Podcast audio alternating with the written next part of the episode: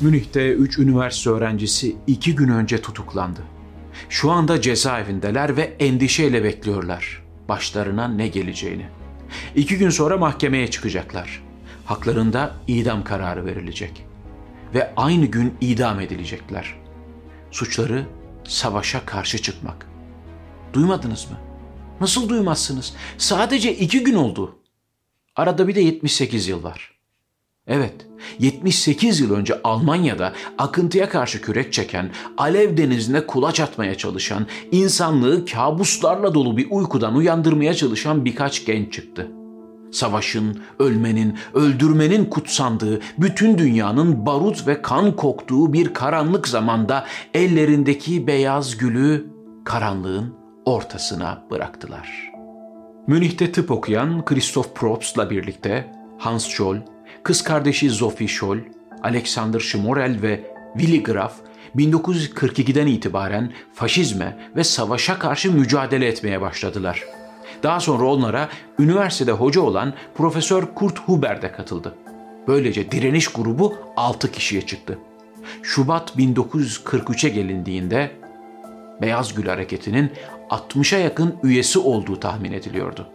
Hareketlerinin isminin neden beyaz gül olduğu tam olarak bilinmiyor ama karanlığa karşı beyaz, barut kokusuna karşı gül kokusu ve illaki kan akacaksa bir gül dikeninden aksın diye düşünmüş olabilirler.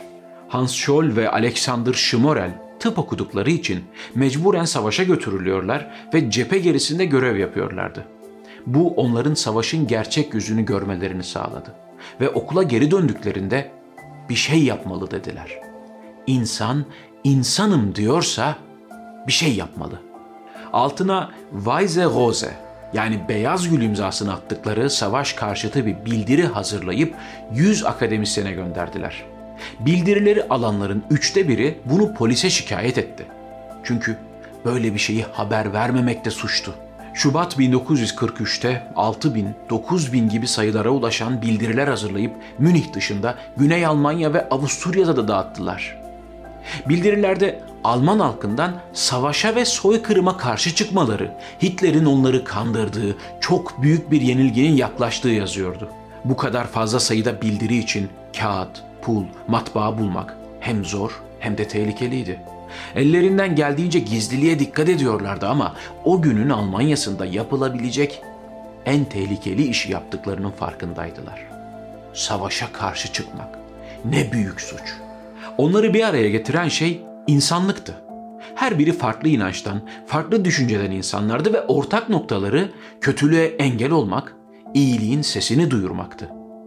Uzunca bir süre Gestapo bildirilerin kaynağını bulamadı özel bir ekip kurarak Beyaz Gül Hareketi'nin peşine düştüler. 18 Şubat günü saat 11 sularında Scholl kardeşler üniversitenin merdivenlerine, koridorlarına, öğrencilerin bulabilecekleri yerlere bildiriler bırakıyorlardı. Üniversitedeki bir hademe olan Jakob Schmidt onları gördü ve Gestapo'ya ispiyonladı.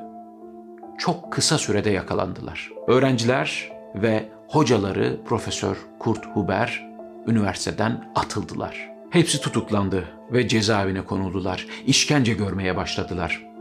Hans Scholl yapılan işkencelere dayanamayarak bildirileri kendisinin yazdığını kabul etti. Zaten yakalandığında da üzerinde Probst'un kaleme aldığı 7. bildirinin taslağı vardı.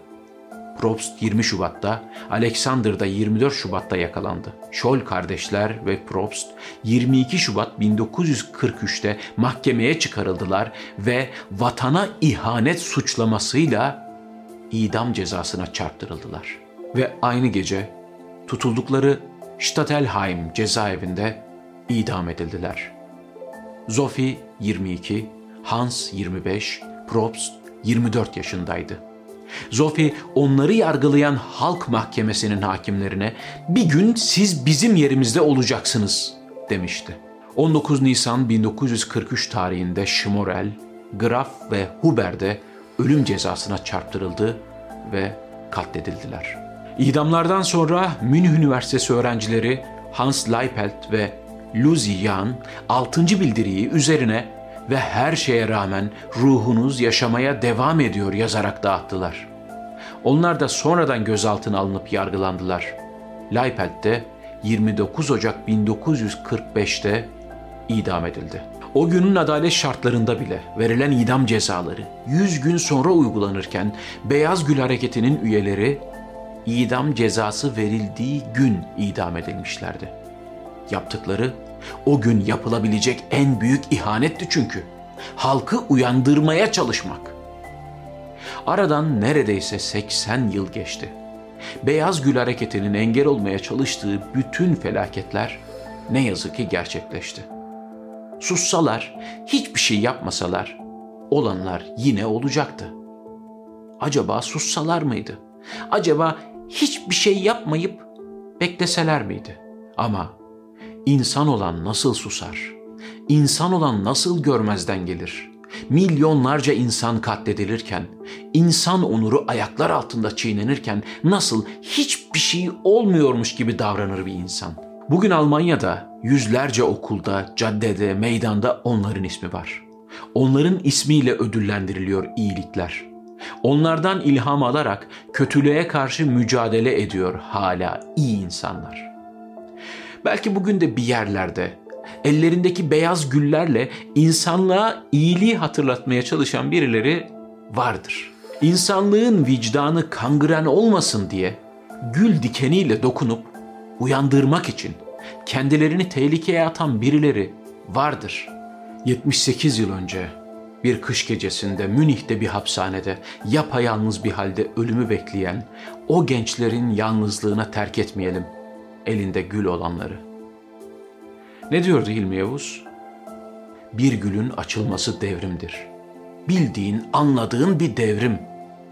Kim bilir nereye varmışlığımız. Bir av sonu ağırlayan gözlerim. Seni anmak öyle kolay değildir. Denizler, biraz çocuk kalmışlığımız. Bir gülün açılması devrimdir. Bildiğin, anladığın bir devrim. Gecede bir bozkır kalmışlığımız. Bakışları ağırlayan seslerim. Sana bakmamak öyle kolay değildir. Simgeler, en çocuk yanlışlığımız. Bir gülün açılması devrimdir.